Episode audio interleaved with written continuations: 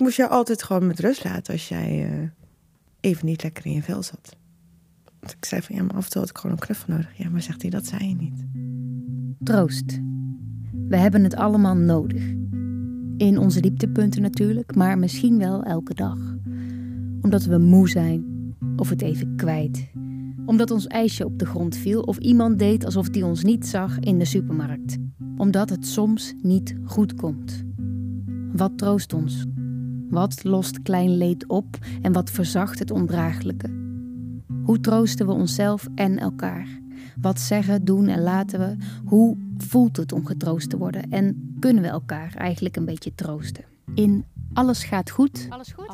vraag ik, Eva van Pelt, mensen die ik goed, een beetje of helemaal niet ken, naar wat hen troost. Ik luister naar wat zij delen. En daarna geef ik hen een lied. Dit is aflevering 2, Ouders. Je hoort een moeder van twee kinderen die het warme nest dat ze na haar scheiding samen hebben gebouwd gaan de verlaten. schouders eronder zetten en, eh, en doorgaan. Je hoort een zoon die niet weet wie zijn biologische moeder is en op zoek gaat naar de juiste verhalen om haar te begrijpen of misschien te vergeven. Dat ik ooit in mijn leven, toen ik klein was, gevoeld heb dat mijn moeder me heeft verlaten. En je hoort een dochter die zich vaak alleen voelt. Die zich als grote zus ontfermt over anderen en probeert niet over hen te oordelen zoals haar moeder over haar. En dan is er nog haar vader. Dus ik vind het heel fijn als ik zoiets terugkrijg van andere mensen dat ik dat dus niet doe. Wat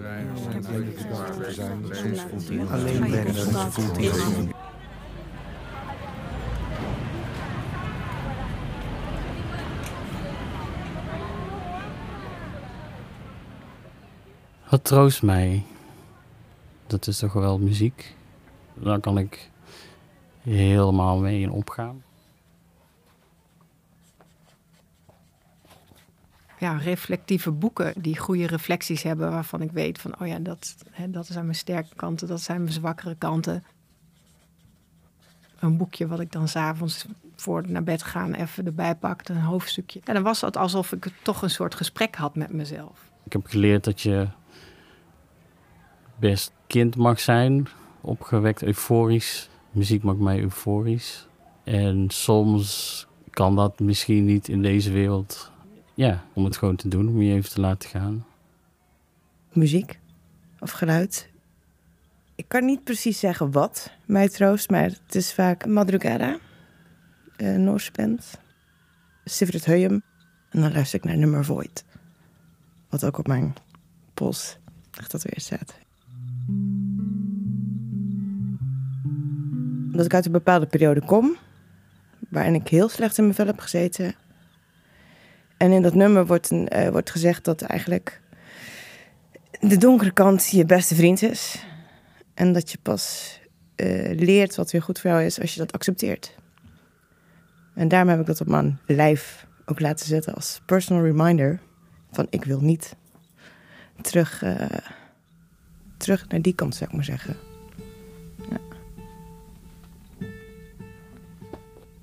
Hoe mijn moeder dat in een fase van rouw na een scheiding gedaan heeft. Mijn kinderen waren toen 10, 11, eh, tweeling. Zij zei van, goh, ja, ik, ik woon wat verder weg, dus ik kom naar je toe als het nodig is. Maar dat wordt niet zo heel makkelijk. Ik zou je graag elke dag willen bellen. En dat heeft ze echt maanden volgehouden. Dat heeft ontzettend geholpen. Want ik had daardoor elke dag een moment waarop ik stoom kon afblazen, kon weergeven wat het me deed, zonder filters. In zo'n situatie waarin je dan samenleeft met je kinderen, was het ook kwestie van de schouders eronder zetten en, eh, en doorgaan. Vooral met goed voor hun zorgen en ook aandacht hebben voor wat zij nodig hebben in zo'n ingewikkelde fase. Ja, eigenlijk door te weten van ja, straks kan ik bellen. Dat gaf enorme troost. Als ik iemand troost, eh, ja, woorden. Ik wil gewoon diegene begrijpen. Open vragen. Wat, wat, wat doet dit met je? Wat denk je aan? Ik vind het heel sterk als iemand heel empathisch is. Ja, daar communiceer ik het liefst mee.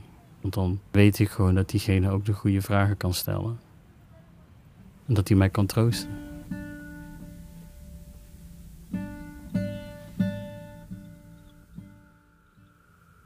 Ik ben een hooggevoelig persoon. Daar heb ik heel lang mee lopen vechten. Hoe ga ik daarmee om? Als ik aan het werk ben, ik kan soms op gevoel al weten wie dat er beneden binnen loopt. En ik heb dat moeten leren om te blokken. Of om, die, om een soort van muur voor mezelf. En de ene dag gaat dat makkelijker dan de andere dag. En soms ben ik daar helemaal niet mee bezig. En dan is eigenlijk alles bij mij open. En dan ben ik, kan ik heel snel door een klein voorval heel snel zagrijnig worden of uh, dichtslaan. En dan weet ik niet meer of dat die emoties van mijzelf zijn of van iemand anders.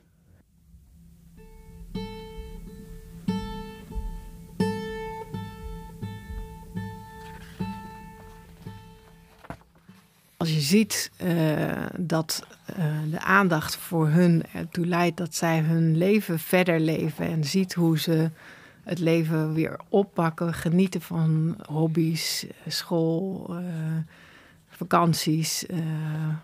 ja, als, als je dat ziet, is dat ook weer een trigger voor je eigen plezier. En, dus ja, dat is zeker een wisselwerking eigenlijk, een continue wisselwerking. Ja, ja zij hebben mij ook geholpen. Maar zo heb ik iemand geholpen in de keuken. Die is begonnen en hij is nu inmiddels doorgegroeid. Tot gewoon naast de collega in feite. En zijn moeder is naar mij toegekomen. Ze van dankjewel. Hij is zoveel veranderd en je hebt hem door jou. Hij, je hebt hem echt geholpen. Maar zoveel heb ik niet gedaan. Ik ben er gewoon geweest en ik heb gewoon geluisterd en advies gegeven niet geoordeeld op dingen. Ik ben altijd veroordeeld geweest. Door mijn moeder. Dus ik vind het heel fijn als ik zoiets terugkrijg van andere mensen dat ik dat dus niet doe. Ik ben zelf heel erg nu zoekende naar uh, mijn identiteit. Omdat ik merk dat het punt in het leven is dat je dat belangrijk vindt.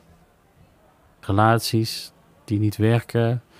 Terwijl je daar toch heel erg behoefte aan hebt. En je gaat nadenken waar er dan door komt.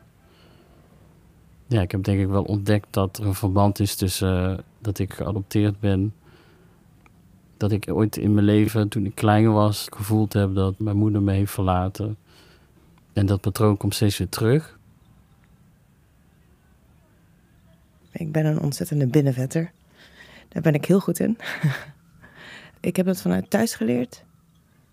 Mijn moeder zei altijd: zorg dat je nooit afhankelijk bent van iemand anders. dat is heel goed gelukt. Je wil af en toe wel dingen delen als je slecht in je vel zit. Maar op een of andere manier blokt dat bij mij. Ik kan me dat niet meer helemaal herinneren, maar ik heb schijnbaar vroeger ooit als kind gezegd: Ik ga even huilen. Heb geen idee hoe oud ik was. Maar dat vertelde mijn vader. Hij zei, jij hebt je eigen force of nature. Je bent echt zo'n heel sterk karaktertje en dat had je al als baby. Terwijl ik voel me af en toe maar zo'n klein meisje en ik wil gewoon even vastgehouden worden. Hij zei, maar dat is bij jou niet mogelijk. Ik zei ook weer wel, want je hebt die kant.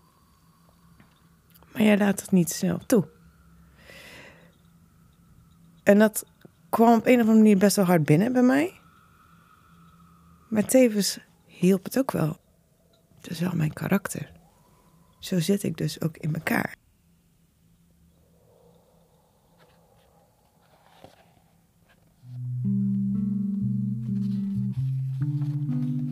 Toen ik uh, zes was, bleek ik allergisch te zijn. Ik, ja, ik, moest gewoon, ik was continu aan het niezen en ik had ook last van astma.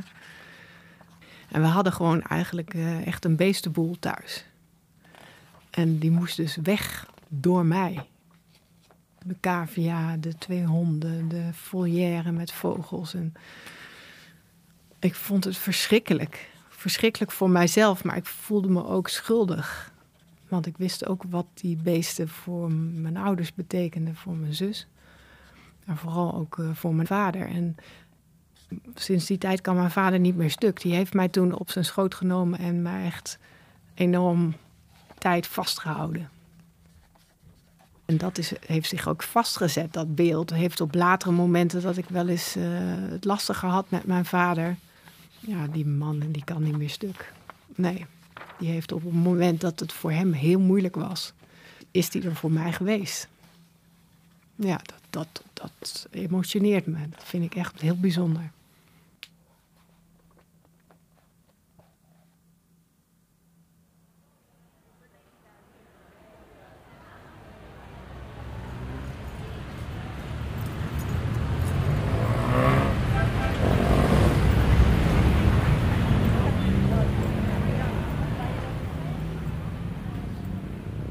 Afgelopen zomer ben ik er geweest. Ben ik er bijna twee maanden geweest. De reis was een ontdekkingsreis. Ik was niet alleen. Zo voelde het dat ik niet alleen was. Met een soort gevoel van heel veel vrienden om me heen die, die, die meehielpen.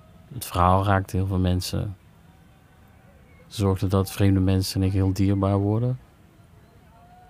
Ja, je, je pelt een beetje een soort schil af bij mensen van hoe, hoe een cultuur werkt.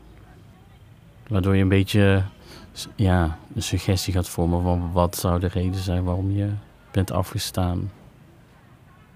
Ik geloof niet in de universele reden van dat een, vrouw niet voor je, of je moeder niet voor je kon, kon zorgen omdat ze of geen geld had of de middelen. Dat, dat is ook een soort van troostverhaal, westerse verhaal. Maar dat er misschien een ander verhaal onder zit. Een soort schaamte. Ja, buitenechtelijk. Dat is in, in andere landen is het gewoon dan.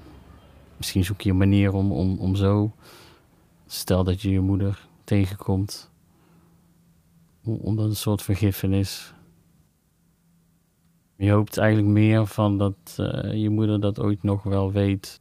Bewust van is geweest. Van dat er nog iemand rondloopt die ze op de wereld heeft gebracht. Zo dat gevoel moet dat toch nog zijn.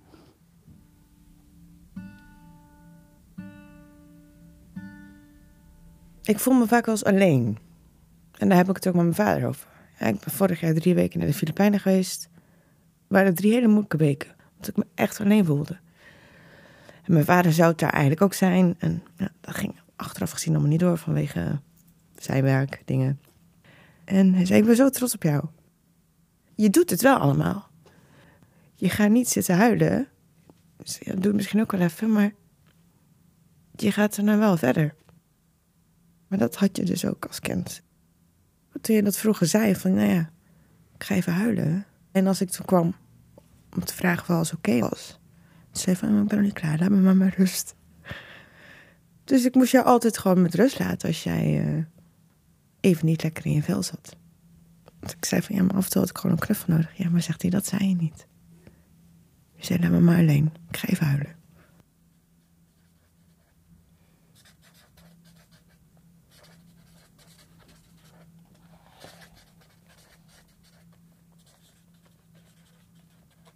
Ik ben niet zo'n goede fotobijhouder voor mijn kinderen geweest. Na de eerste twee, drie jaar geen fotoalbums al te veel meer. Dus toen ze 18 eh, werden, ben ik op 16 jaar ben ik begonnen met het schrijven van een boekje. En dan hier en daar van elk jaar foto. Ja, wat ik kon vinden. Niet echt van, oh ja, dit zijn echt de highlights of zo. En heb ik vooral ook iets geprobeerd dus te duiden van die lijn die ik al zag. Van dat zij het kunnen. Dat heb ik zo gegeven en daar heb ik ook letterlijk ingezet. Ik, ik heb vertrouwen als ik er wegval, dat dat jullie verder kunnen. Dat, ik heb het al gezien. Het staat hier. Deze fase, die ik echt soms lastig vind, dat ik die intimiteit met mijn kinderen verlies. Dat geeft mij heel veel troost. Ik weet, het belangrijkste heb ik ze al gezegd en meegegeven. Ja, het zit in hen en ik heb het ook nog geprobeerd dus op te schrijven, omdat ik me kan voorstellen dat je soms zelf vergeet dat het zo is. En dan hoop ik dat dat helpt. Ja, dat hoop ik. Ik zei, ik zie jou gewoon al 33 jaar gewoon alleen maar groeien. Maar ik moet af en toe die, uh, de kwetsbare kant iets vaker laten zien of zo. Dus ik denk dat mijn vader dat daarmee bedoelde. Mensen toelaat. Maar ja, easier said than done. Het is oké. Je mag je zo voelen. Je mag verdrietig zijn, of moe of ellendig. Acceptatie. Het is belangrijk. En dan komt de vergiffenis. Ik, uh, het is oké hoe het nu is, hoe het nu gaat. Ik bedoel, uh, ik vind mijn weg wel. Wat er ook gebeurt. Ja. Ik, uh, ik geloof wel in de goedheid van de mens. Je bent bang me te verliezen. Ik ben bang dat je te bang bent om jezelf te zijn. Weet dat ik van je zal houden. Al zak je zo diep in de stront dat je jezelf er niet meer uittrekt. Maar zak liever door de grond. Zak liever door de grond, schat. Zak 600 miljoen keer door de grond. Want ik ben hier. En ik zie jou. Al ga je zo ver door de grond. Ik zie jou. Stuur mij geen hartjes om te weten dat mijn hart nog steeds van jou, dat mijn dag nog steeds om jou, mijn gedachten weer naar jou. Ik heb daar schoon genoeg van, ik bewijs me liever niet. Ik heb genoeg om te bewijzen aan mezelf. En ik geloof dat dat al niet eens hoeft. Dat las ik laatst eens in een boek. Kortom, ik doe mijn best genoeg. Zak liever door de grond. Zak liever door de grond, schat. Zak 600 miljoen keer door de grond. Want ik ben hier. Ik zie jou. Al ga je zo vaak door de grond. Ik zie jou.